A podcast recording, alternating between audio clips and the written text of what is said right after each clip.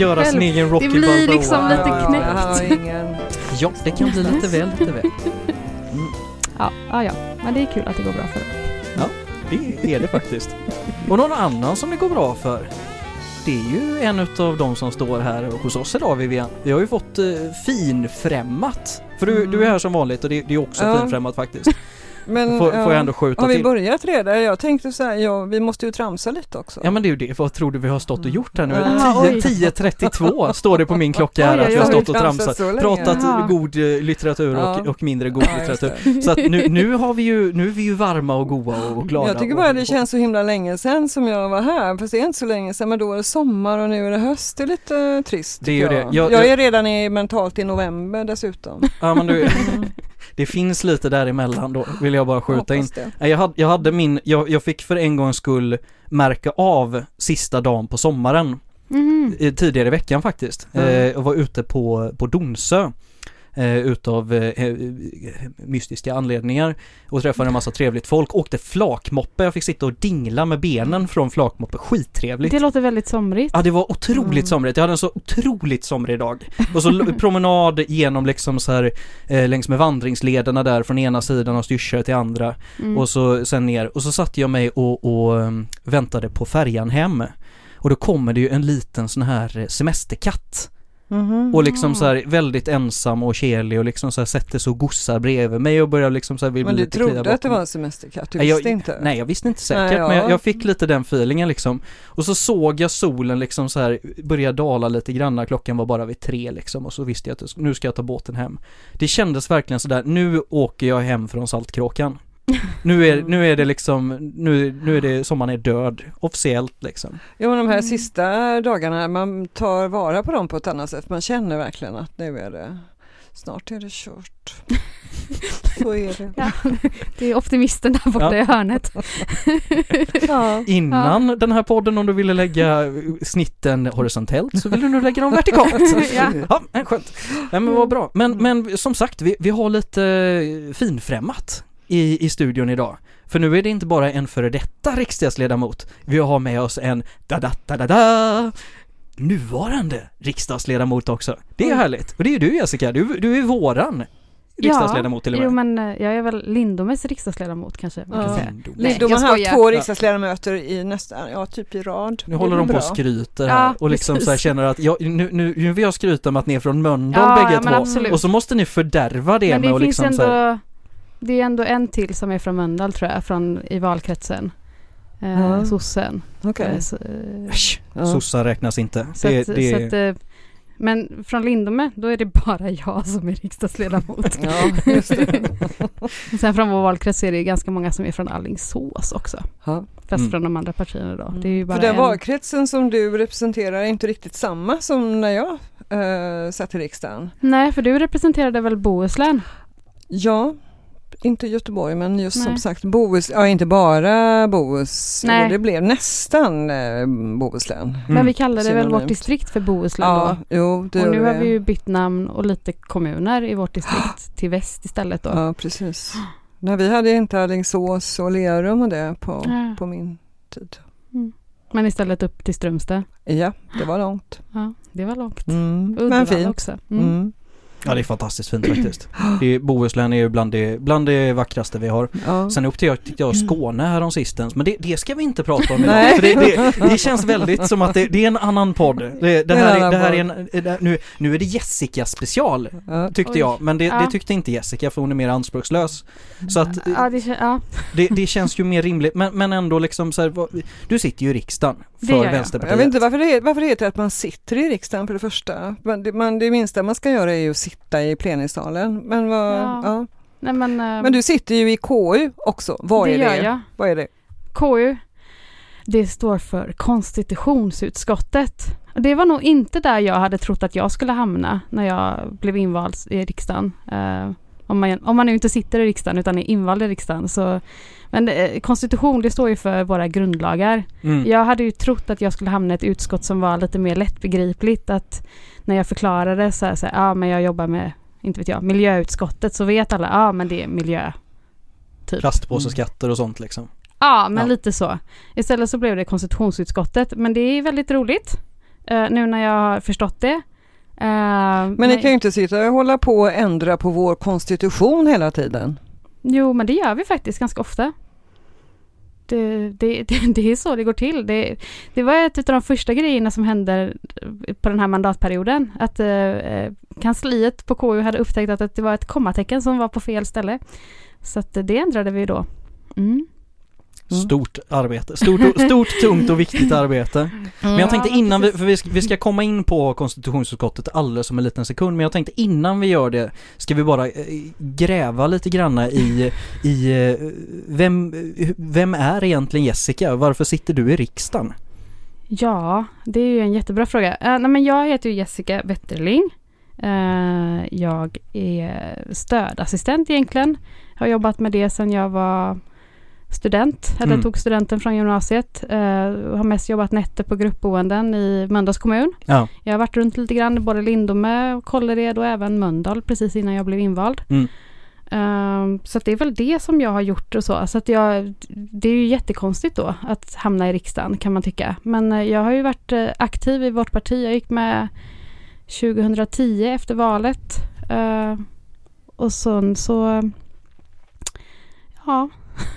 Det är, väl, det är ju egentligen inte jag som ska svara på det. Det är väl andra som ska Nej, men, svara eh, på ja. varför jag har fått förtroendet att representera oss. För det är ju liksom en process såklart. Alltså Mm. både att man är aktiv i sin eh, partiförening Mm. eh, och att man kanske är aktiv i distriktet. Det är ju liksom ett sätt att vinna folks förtroende tänker jag. Mm. Att folk känner att ja men den här personen tycker vi är tillräckligt snäll och trevlig och vettig och ja, jag vet inte. eh, Förtroendeingivande sa- Ja men liksom, ja. precis. Eh, Så gör ju vi i vårt parti i alla fall. Mm. eh, Att vi har en intern process eh, där det finns en valberedning som Mm. vem som helst kan nominera namn som man tycker att, ja men Per till exempel, han skulle, han skulle bli jättebra i riksdagen. Och då kanske Vivi eller någon annan nominerar dig till riksdagen, eller du själv. Eh, ja, till valberedningen alltså. Och sen är det ju valberedningen som är, oftast genomför lite olika intervjuer, värderar olika kompetenser och, och sånt där. Mm. Eh, och sen är det ju upp till medlemmarna helt enkelt på en sån här valkonferens att Mm. rösta egentligen hur, hur, vem, vem som ska stå på vilken plats. Men det var sällan, alltså jag hade ju innan jag blev invald, det var ju alltså plötsligt så, man säger så här, plötsligt händer det. Men alltså jag hade ju aldrig tänkt tanken. Eh, Jag började ju, till skillnad från dig så började jag ju med politik ganska sent och hade ju Mm. en helt annan eh, längre karriär på, på, inom journalistiken så. Men det är väl det som är bra, om att Mm. man inte har det som ett sorts mål. Jag tror att det, man ska nog upptäckas av andra och inte själv upptäcka att man i första hand vill. Ska liksom För så dit. tänkte ju inte du heller. jag- Nej, absolut Nej. inte. Alltså det fanns inte på min karta när folk frågade. Alltså jag... Det är väl den där klassiska grundtesen i typ all fantasy genom alla tider att de enda bra värdiga ledarna det är de som absolut inte har tänkt sig att bli några värdiga ledare. Tis a curious thing, Harry, but perhaps those who are best suited to power are those who have never sought it. Those who, like you, have leadership thrust upon them and take up the mantle because they must, and find to their own surprise that they wear it well. Det kanske ligger lite i det helt enkelt. Jag, vet faktiskt inte, men alltså jag hade ju ganska mycket panik precis när jag var invald för att jag kände så här, det var så stort och Mm. det är svårt att fatta att man är riksdagsledamot. Eh, man ska också gå omkring och vara jätteglad hela tiden, vilket man ju är givetvis. Men samtidigt så är det ju det att, mm, i alla fall, jag vet inte hur det är för andra, men jag tror att det är ganska vanligt, man har ganska hög press på sig själv Mm. också. Man vill ju leverera och liksom vara en bra representant, givetvis. Mm. Men det gör ju att eh, att ibland kan det ju liksom vara lite, speciellt i början när man inte fattar grejen riktigt. Eh, men det var en annan ledamot som sa det till mig från vår riksdagsgrupp att, att de som vill vara här, det är de som inte ska vara här. Och de som kanske då inte, här inte, ändå. ja Mm. men precis, det, det kanske är de som är mest lämpade att vara riksdagsledamöter. För att det är liksom, ja, eh, om man väldigt gärna vill vara i riksdagen då, då är man kanske inte, inte så lämpad egentligen. Mm.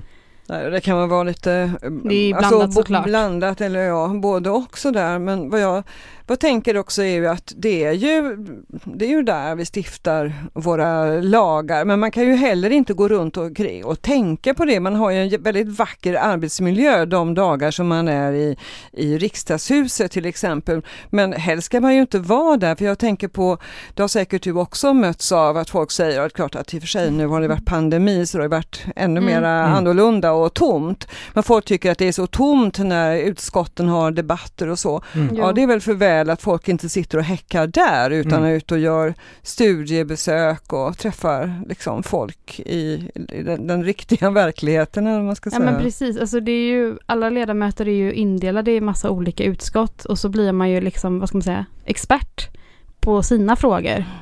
Eh, så det skulle ju vara jättekonstigt ifall eh, massa personer som jobbade med utbildningsfrågor satt och lyssnade på våra debatter som handlar kanske om vallagen eller om eh, nationella minoriteter och sånt där. För de är ju experter på sina debatter istället. Mm.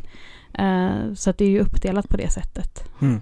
Men jag skulle bara vilja säga att när det är alltså små partier som vi ju fortfarande tillhör men kanske kommer att växa ur det epitetet. Det får vi hoppas. Alltså det, det är ju alltså väldigt tufft. Jag tänker Mm. på Mm. att eh, ja, Socialdemokraterna när jag satt där, de ha- hade ju fem eller sex stycken så de var ju en grupp i varje utskott. Ja. Mm. Medan vi oftast är helt ensamma och ska på en person klara av det som fem, sex i större partier gör. Precis. Mm. Så det är, och det är på gott och ont också. Man har ingen lärlingsperiod. Nej. Man får ju inte gå liksom bredvid och sådär. Men det är ju Det- lite annorlunda nu från jämfört med kanske tidigare att vi ändå är lite fler nu så att vi har nästan två ledamöter per utskott som jobbar. Eh, Så att jag har ju en annan person i mitt utskott som jag jobbar ihop med. Så kan Mm. vi dela upp det lite grann för det är ju jättemycket.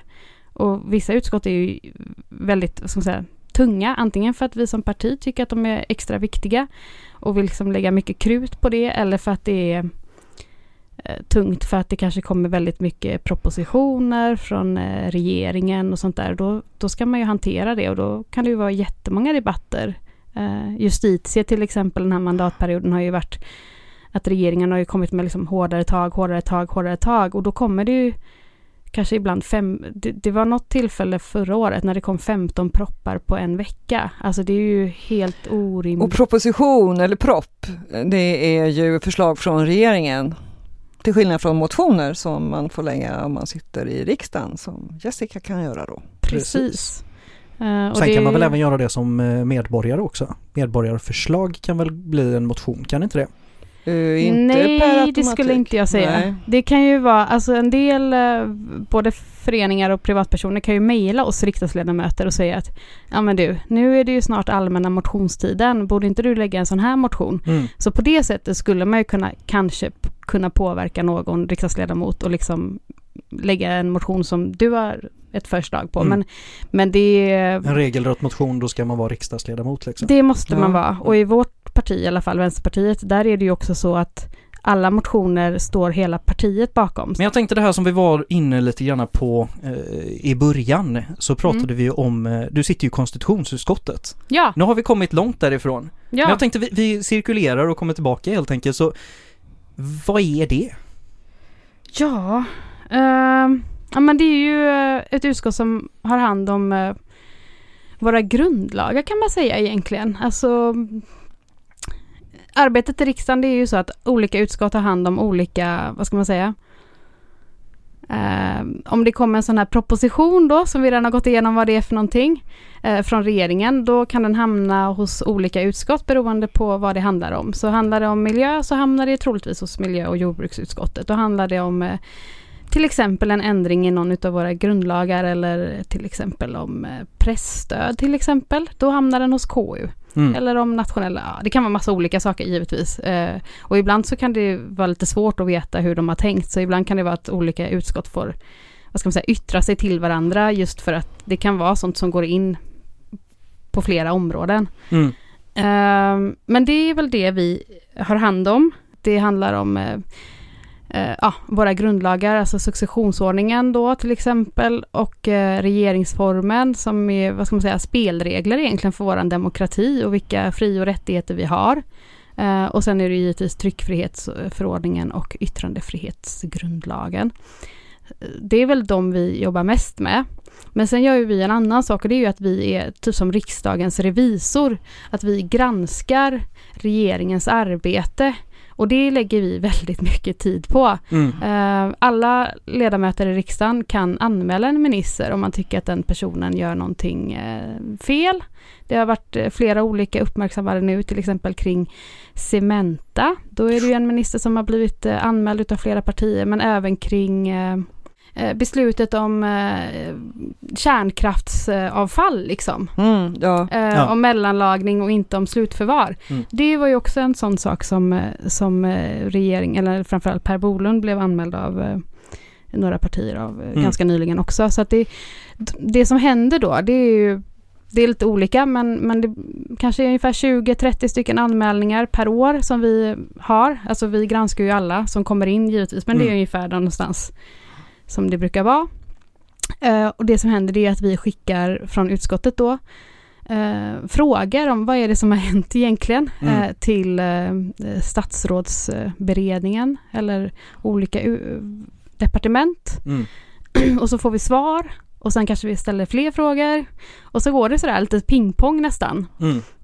Och sen så finns det väl, kan man nästan säga som ett stoppdatum, att ja men nu, nu kommer vi kanske inte längre i det här ärendet. Ibland kan det ju vara så här att en minister har sagt någonting tokigt. Mm. Då kanske vi får det liksom svaret från ett departement. Ja, men det här stämmer. Det här uttalandet eh, sa den här ministern.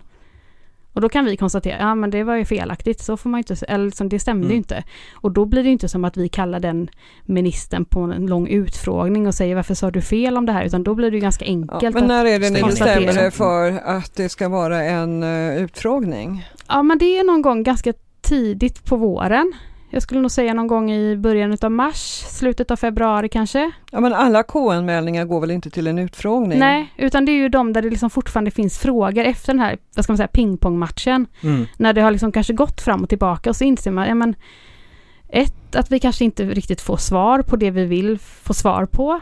Ibland kan det ju också kanske vara vissa partier som verkligen vill få dit en viss minister. Mm. Det ska jag inte skjuta under stol med. Och sen så när man då har liksom haft olika ministrar på utfrågning då brukar det avslutas med att man frågar ut statsministern i vissa ärenden också. För statsministern är ju liksom huvudansvarig för hela regeringens arbete kan man väl säga. Mm. Eh, Så det är väl det som är liksom ganska offentligt när vi sitter och frågar ut där. Ehm, Men, och den, det tar ju mycket tid, men sen har vi ju en granskning även på hösten och där kan man väl säga att det är mer om vårgranskningen handlar om enskilda grejer som har hänt så kan det ju framkomma någonting, till exempel, ja men det här eh, eh, eh till exempel om handlingar till exempel. Eh, att det, det är ibland så att departement har lite, ska inte säga dålig koll, men att man kanske inte vill lämna ut allting. Man kanske Nej. säger att saker är hemligt som kanske inte borde vara hemligt eller, eller sådär, att det är lite krångel Mm.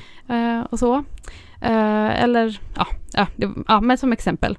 Eh, och då kan det ju vara så att man sen på hösten då, då gör man mer en övergripande granskning i utskottet som kanske riktar Man kollar sig hela riksdagens arbete helt enkelt med Nej, alla regeringen- detaljer. regeringens arbete. regeringens, Mm. precis. Eh, ja, men, så att det kan vara så att det kommer fram någonting. Det behöver inte ens vara det vi granskar, men det kommer kanske fram någonting under granskningen som vi tycker att ja, men det här behöver vi kollas noggrannare på. Mm. Och då blir det på ett annat sätt, för då granskar man ju inte en speciell minister eller Nej. liksom så, utan då är det ju mer, ja, nästan som den goda revisorn, så här, det här ska, behöver göras bättre. Mm. Så det kan handla om väldigt Men hur olika fungerar det saker. arbetet just? För jag tänker det här, många utav riksdagens utskott, det- det märker Mm. man ju väldigt tydligt, vem är det som styr och det blir väldigt liksom olika om det är en moderat eller om det är en miljöpartist eller en Mm. sosse eller så vidare liksom. Eller för den delen en vänsterpartist som det Ja, också kan det vara och är allt Mm. vanligare numera. Men jag tänker just KU-arbetet, för det känns ju liksom om man, om man tänker dem som en revisor ska ju liksom, det är ju samma oavsett om man säger så. Mm. Men syns det även där en skillnad mellan olika partier eller lyckas man liksom hålla isär det här och vara på något, vara objektiv på något vis eller vad, vad är din bild utav hela den biten liksom. Jag har förstått det som att eh, han som är talman nu, eh, Andreas Norlén och Björn von Sydow som har varit talman tidigare, de satt som ordförande och vice ordförande förra mandatperioden. Mm. eh, och kanske även tidigare än så. Och då försökte de verkligen få till det här att liksom man pratar nu, jag har blivit uppfostrad att det finns en KU-anda. Det låter ju jättefånigt. Här på Stjärnsberg tillämpar vi kamratuppfostran. Men där, alltså om, om vi har någon form utav, om vi hittar någonting som är en brist eller någonting som fungerar dåligt, eh, om, om det bara är vi som är opposition som säger det, eh, då blir det liksom lite svagare. Det Mm. blir ju liksom mer kraftfullt ifall även regeringspartierna står bakom eventuell kritik, eller ja, man får inte säga kritik i mitt utskott, men ja, ni fattar. Ja, Ehm, så, så att, så att så Vad får man säga där då? Slutsatser i, av granskningen? brist brukar Brist, vara ja. en sån där. Men skiljer sig Karin Enström från eh, Andreas Norlin och von Sydow i sitt sätt att leda KU? Nej men vi försöker väl hålla ihop det där. Det, det är en som heter Hans Ekström då som är vice ordförande. Det, det som är det är att det alltid är en, eh, en ordförande i konstitutionsutskottet som är från oppositionen. ja okej. Eh, det är bestämt så. Eh, Mm. annars så är det ju precis som du säger att det, även vi har en ordförande i trafikutskottet och en vice ordförande i kulturutskottet till exempel. Mm. Så det fördelas ju bland de olika partierna. Mm. Uh, nej men jag tycker att vi är ganska bra på att ändå försöka hålla ihop det där. Men det gör ju att ibland att vi har väldigt långa möten. Uh, att vi ibland kanske har uh, snällare debatter än vissa andra utskott. För att vi försöker ju, vi har en ganska så här, ett mål om att ändå komma till någon form av enighet. Vi har ganska hårda liksom, diskussioner inom utskottet. Men det som kommer ut i alla fall sen jag började i riksdagen, då är vi ju liksom, då har vi ju eniga betänkanden där alla som sitter i utskottet ställer upp på texten som är. Sen är det ju jättetydligt när texten är klar att vi fäster tonvikt vid olika saker och vi vill gärna påpeka den där meningen som man själv kanske då har fått in som säger att eh, att det inte är acceptabelt att Morgan Johansson låter bli att svara på en skriftlig fråga i tre månader till exempel, Nej. eh, som var en av våra anmälningar Mm. senast. Men det är ju som du säger, det är ju jätteviktigt att man så långt det är möjligt kan komma överens. Och sen finns det ju då i, i skrivningarna eh, naturligtvis ofta lite valörskillnader ändå. Det är det som man måste träta om då. Vilket Mm. man ju inte gör i de andra eh, utskotten. Där får man ju, ja, alltså vill man få igenom någonting så får man naturligtvis se till att man får en majoritet. Men, Mm. men det är på, det är på ett himla ett annorlunda sätt. Men jag vet Det inte om det är liksom läge för det, men jag är i alla fall nyfiken på pandemilagen har ni ju haft jättemycket att göra. Alltså den Mm. pandemilag som nu, den går väl ut, uh, slutar sista september. Ja. Mm. Om jag inte minns fel så är det då. Precis. Men hur funkar det då? Om vi, om vi använder pandemilagen som exempel. Mm. Hur, för det första så måste man ju ha en problemformulering då med, att, med, med pandemilagen. Då kanske det är så enkelt att är det rimligt att vi får ha, fortsätta använda pandemilagen sådan som den är? Är det en, är det en KU-anmälan så att säga? Nej, alltså eh, pandemilagen den, det är en annan del. Alltså grans, vårt granskningsarbete det är ju mer så här, vad har hänt? Eh, som någon ledamot har reagerat på. Uh, och så kommer en anmälan och sen så granskar vi då. Just detta året så har det ju varit ganska speciellt att vi har uh, vi sköt upp förra årets vårgranskning till, till eh, i höst, förra hösten. Och sen så hade vi ju då våran ordinarie vårgranskning nu i våras. Och då granskade vi också regeringens coronahantering kan man väl säga. Mm. Eh, där bland annat pandemilagen ingick. Men även ganska mycket annat om testning och smittspårning och besöksförbud för våra äldreboenden. Alltså det var ganska många olika delar. Mm. Eh, men då tittar vi ju också inte bara på, alltså då tittar vi ju på hur regeringen har arbetat egentligen. Man kan fatta jättedåliga beslut. Mm. Men ifall man har berett dem, skickat ut dem till remissinstanser och liksom... Så det är ja, egentligen mer arbetssättet än de Ja. aktiva besluten som är liksom det ni tittar på då kanske? Man. Det är väl lite både och, men, men, men det finns...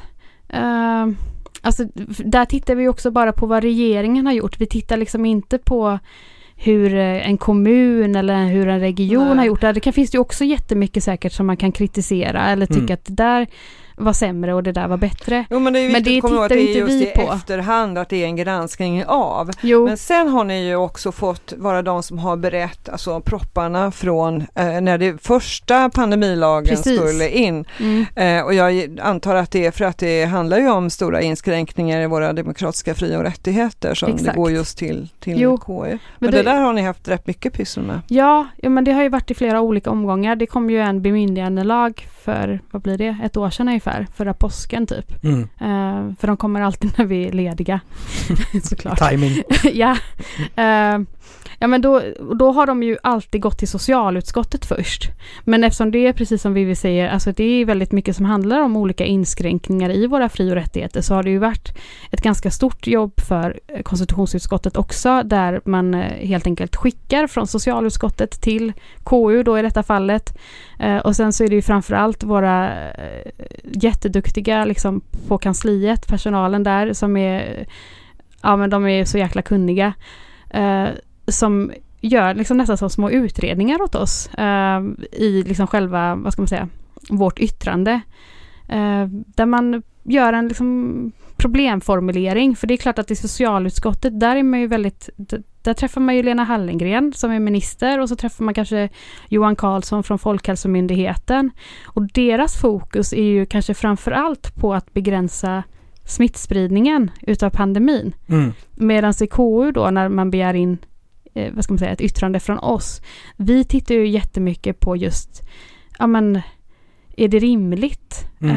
Eller vad man ska säga, är det rimligt att göra de här att man inte får samlas i en park? Är det rimligt att ha en sån eh, paragraf? Ja, men det tyckte inte vi i Vänsterpartiet. Vi tycker inte att man ska kunna sitta i ett sällskap i en park och så ska det kunna komma någon och säga, men varför sitter ni här? Hur känner ni varandra? Är ni verkligen samma familj? Mm. Vi tycker att det är liksom ett för stort ingrepp i integriteten. Att någon ska liksom kunna gå och liksom nästan kontrollera folk som sitter ute i till exempel en park. Nu, nu när det är november så är ju inte det lika Det eh, inte attraktivt för någon längre, kanske. Men, men inför sommaren så var ju det eh, ganska akt, liksom, en ganska intressant fråga.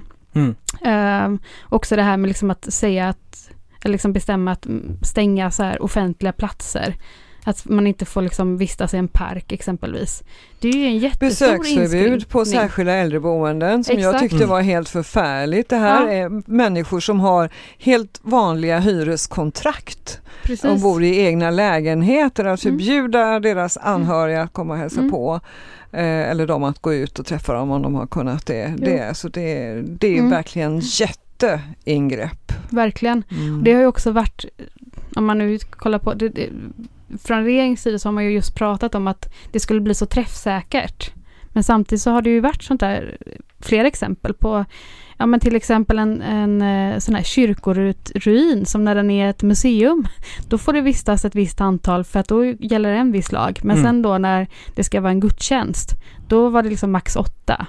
Eh, när det är samma liksom utrymme, det blir konstigt. Mm. Eller jo, men det, liksom- det har ju gått efter olika Ja, men visst. lagar och förordningar men det, det är Men ändå blir svårt att fatta Det att blir det ska väldigt vara svårt så. att förstå. Ja, men precis. Eller när eh, man kan väl känna att eh, ibland har man varit väldigt mån om att eh, i alla fall alla ska kunna gå och shoppa liksom. Mm. Men däremot att få demonstrera eller att eh, liksom på andra sätt samlas, där har man varit mycket mer eh, intresserad, kanske man kan säga, i, i pandemilagen av att liksom inskränka de rättigheterna och då kan man ju absolut att shopping för vissa kanske är som en religion, men, men det finns ju liksom vissa utav våra rättigheter som finns väldigt så här, eh, vad ska man säga, grundlagsfästa. Mm. Och det är ju religionsfriheten, det är ju mötesfriheten, det är ju demonstrationsfriheten, rörelsefriheten till exempel.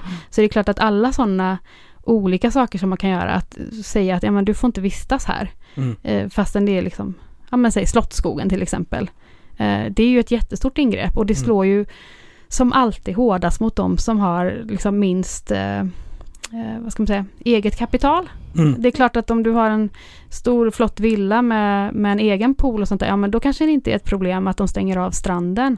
Men för folk som, som jag till exempel då, som bor i en hyresrätt, eh, kanske inte åker bara så himla ofta, men, men, men där det inte finns till, massa sådana tillgångar, ja men då blir det ju ett mycket större ingrepp på det sättet. Att inte Mm. kunna kanske umgås utomhus på samma sätt som man är van vid. Sen var det ju många av de här reglerna som kändes rätt det blev så påtagligt att det var så dubbla budskap och så dubbla stolar hela tiden och just det här som du säger nu Jessica med att det, det beror lite på vem man är och hur man är. Mm. Och jag, jag, för min del som, som är en, en lite för stor fotbollssupporter så blev det ju väldigt tydligt vem som var värd mest och sånt liksom när man hade fotboll på Nya Ullevi redan med kapacitet för liksom 50 000 om man trycker. Mm. Eh, och så fick det komma in åtta pers. Mm. Men att fylla restaurangerna med sponsorer det var liksom inga problem. Nej. Bara man Eh, inte spelade musik. Mm. Ja det var men mycket exakt. sånt Ja. som är liksom Så det har ju varit sånt där och det, det, det, det sa man från regeringens sida att det skulle man liksom komma åt mm,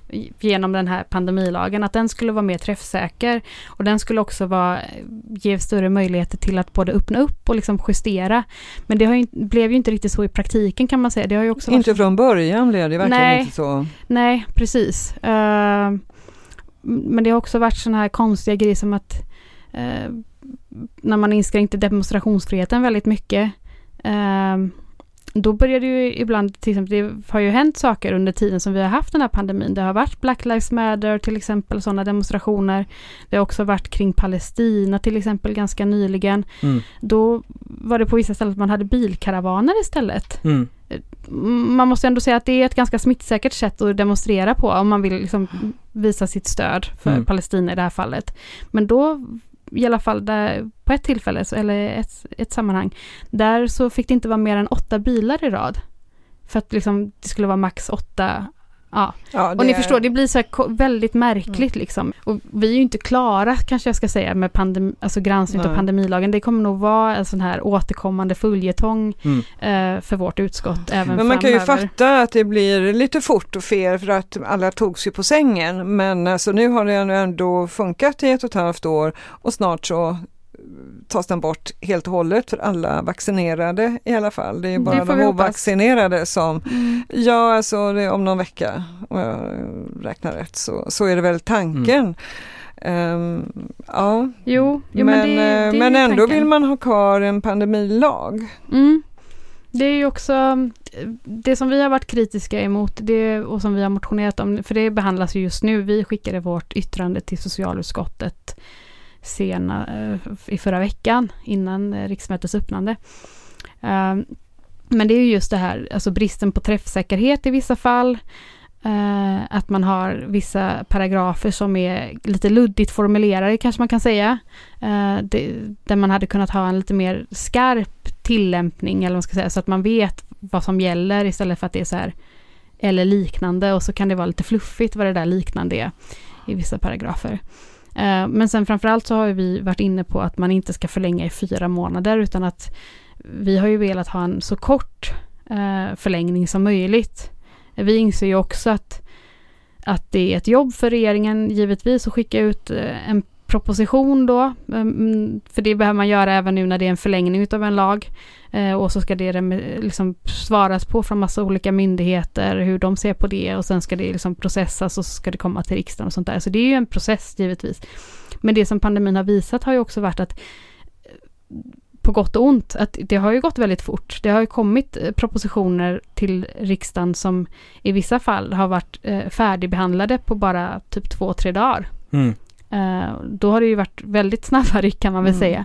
Och det har ju säkert behövts i vissa fall, men det har ju också gjort att ibland så har man ju inte då kanske man, och det konstaterade vi också i vår granskning, att när man gör ett, när det är så snabbt eh, och man kanske sätter in sådana här akuta åtgärder, ja men då behöver man också, när man kanske då ska förlänga till exempel det här nationella besöksförbudet, ja men då är det ju viktigt att man inte då till exempel säger, ja men det är bara en förlängning. Så vi behöver inte eh, ta in inte fler åsikter. Nej. Nej, Mm. utan då kanske det är extra viktigt att faktiskt ha ett, ett mer, vad ska man säga, gud nu låter det som att jag pratar så här politikerspråk, samlat förfarande, men att man liksom då hämtar in mer åsikter och, och sånt när det inte är ett lika akut skede. Istället så har eh, i vissa fall, till exempel när det gäller det nationella besöksförbudet, då har ju liksom regeringen använt att ja men det var ju bara en förlängning så att varför skulle vi när det kanske då enligt utskottet ett, en varit ännu väldigt viktigare. allvarlig, ja, väldigt allvarlig inskränkning. Nu är ju det här ganska krångliga saker för gemene man. Va? Så att, eh, och ha folkomröstning om sånt här det är väl egentligen ingen idé. För jag menar folk i allmänhet de resonerar naturligtvis på sitt grovhuggna vis. De har inte hängt med i utvecklingen. En annan aktuell grej, för nu har vi pratat pandemilagen en liten stund här. Eh, det, vi gör ju lite andra som vi inte brukar göra idag utan det får, får den vana lyssnaren vara med på att idag blir det lite mer aktuella grejer. Och något annat aktuellt, det är ju budgeten Ja. som vi sitter med just nu. Nej men det, det som kan vara viktigt ändå, det, vi, vi får ju gärna fylla i för du har ju jättebra koll på det här, men att en budgetprocess den börjar ju inte nu, utan det är ju någonting man jobbar med nästan hela året, Mm. Ehm, alltså så- nästan sedan man släppte sin förra budget. Ja. Så, så under hela året så samlar man ju in på olika sätt eh, olika politiska förslag som, eh, som man ser inom sitt ja, utgiftsområde. Sen finns det en budgetgrupp då som håller ihop det hela där till exempel Ulla Andersson sitter som är våran eh, ekonomisk politiska talesperson. Eh, men i mitt utskott då så har vi utgiftsområde 1 som handlar om rikets styrelse och där det är så här pengar till eh, politiska partier, riksdagen, regeringen, ja, massa olika grejer som jag inte tänkte att jag skulle gå in på. Men då ser ju vi till exempel eh, under åren, så, ja men det saknas pengar här. Det här tycker vi är viktigt att satsa på. Mm. Sametinget brukar vi ha en höjning till till exempel och vi brukar också ha en minskning i vårt utgiftsområde för att vi vill ju sänka arvodena för riksdagsledamöter till exempel och vi vill ju också eh, ge mindre pengar till eh, kungen och eh, hovet och slottsstaten då. Mm. Så att vi brukar vara ett sånt där utskott där, där vi liksom vill plocka bort pengar kan man väl säga.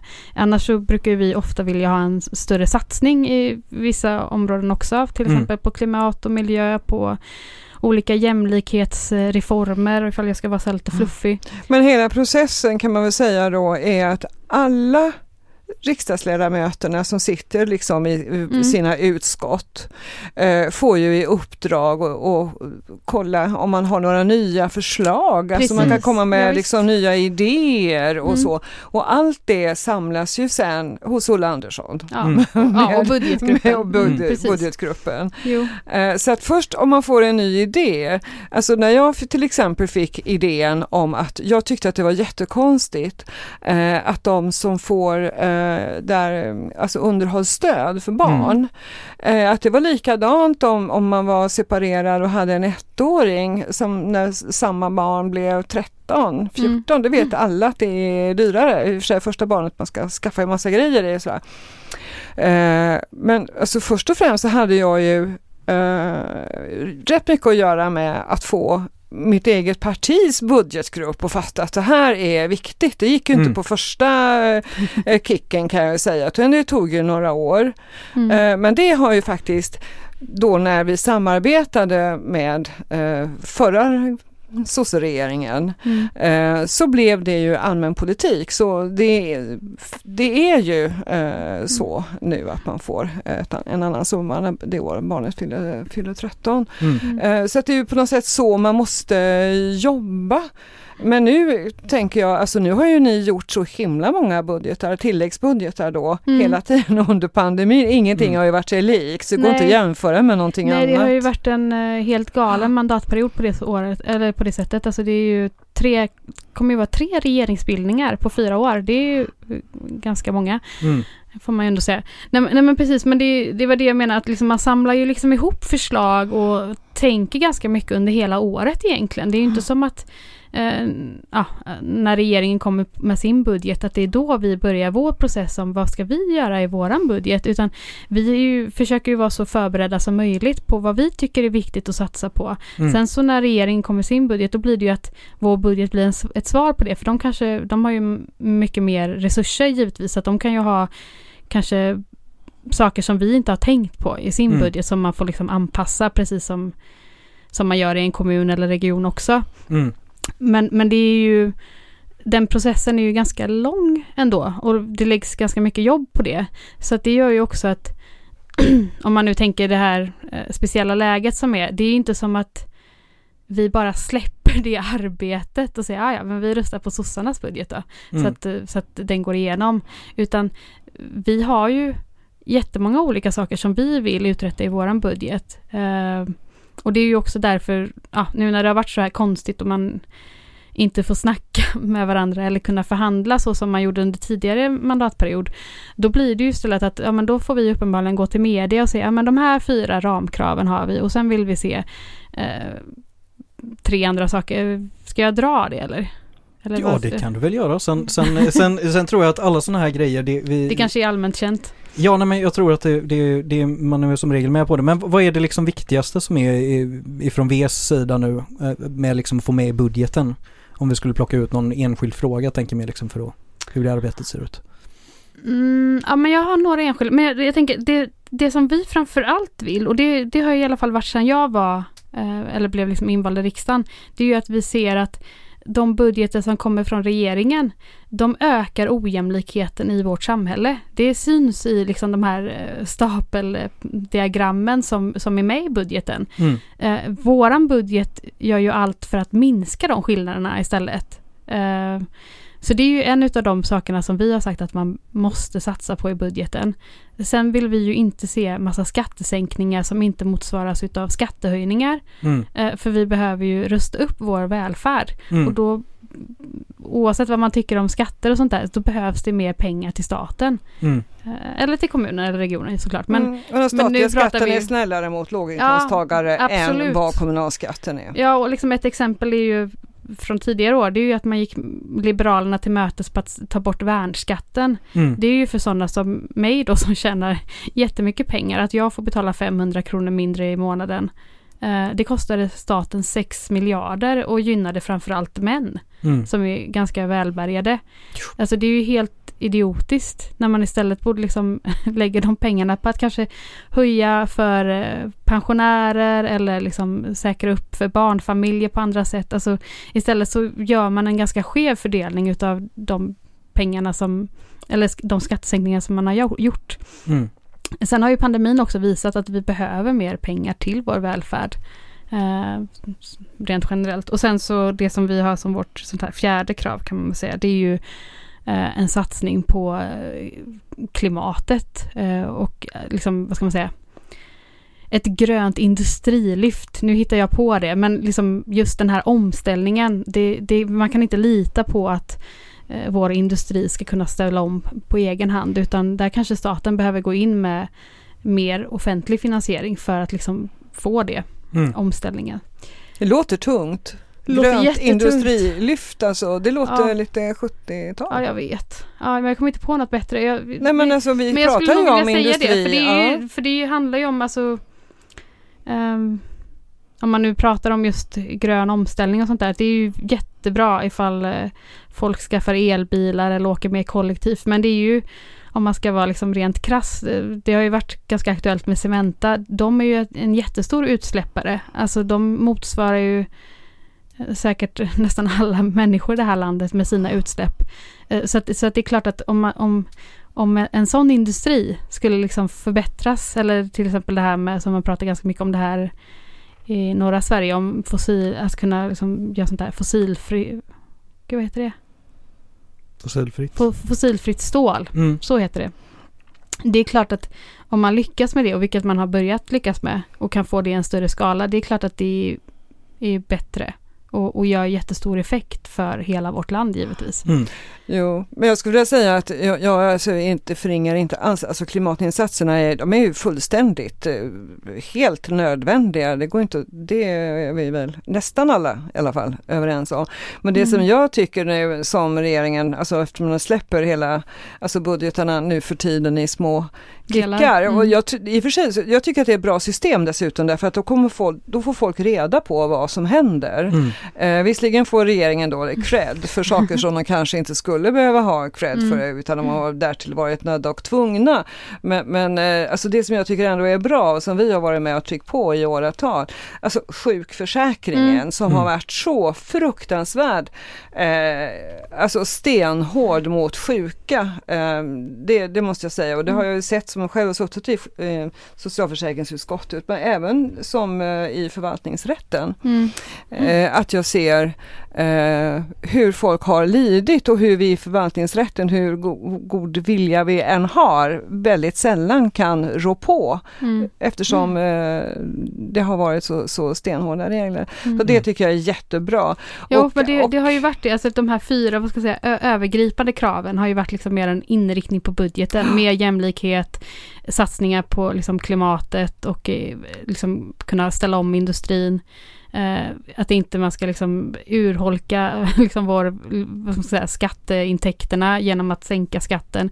Även när det är bra saker, vi vill ju också sänka skatten Mm. ibland men för rätt eh, personer, till Mm. exempel det här med att pensionärer inte ska behöva betala högre skatt än, än när man jobbar till exempel. Nej, och till och med de som är det som hette förtidspensionerade Ja, ja, men tidigare, alltså de som har sjukersättning Precis. idag Mm. och eh, sjukpenning, att man skulle betala mer. Mm, ja, men det är så absurt, ja. bara för arbetslinjen. Precis. Eh, alla ska arbeta. Men, men sen har vi ju också de här väldigt konkreta kraven och då har det ju varit just precis som det du är inne på, liksom just med sjukförsäkringen, det har varit kring a-kassan eh, och det har ju också varit att pensionerna ska höjas. Så det Mm. har väl varit våra så här, lite mer, vad ska man säga, väldigt specificerade krav. Men jag tror att det är nödvändigt att man Ja, specificerar krav på det absolut. viset, annars så blir det ju politiken väldigt abstrakt och inte så Mm. intressant. Men man måste ju veta varför man gör det man Mm. gör, men jag tror att, att det är jättebra för alltså, gemene man så att säga, att man pratar också om i vad det faktiskt betyder Mm. när man vill minska och klyftorna. det, där har ju faktiskt pandemin också visat på flera liksom sprickor i vårt system. Alltså till exempel det här med karensavdrag. Alltså det gör ju att sjuka personer går och jobbar. Mm. Eh, särskilt inom eh, yrken där man har lite lägre lön, till exempel vård och omsorg. Vilket ju har liksom varit förödande i en pandemi givetvis. Eh, där liksom en smitta sprids och där liksom det riskerar att eh, få väldigt allvarliga konsekvenser. Mm. Så, att, så att där hoppas jag att regeringen lyssnar. Det har ju varit ändå en del utspel från regeringen där man har gått Vänsterpartiet till mötes på bland annat de här med sjukförsäkringen och eh, förtids, ja det som vi kallar Arne-pension, för att det heter så i Danmark, att man liksom ska inte bli utförsäkrad de sista åren innan pensionen. Det är dejligt bedstefar! Det är dejligt!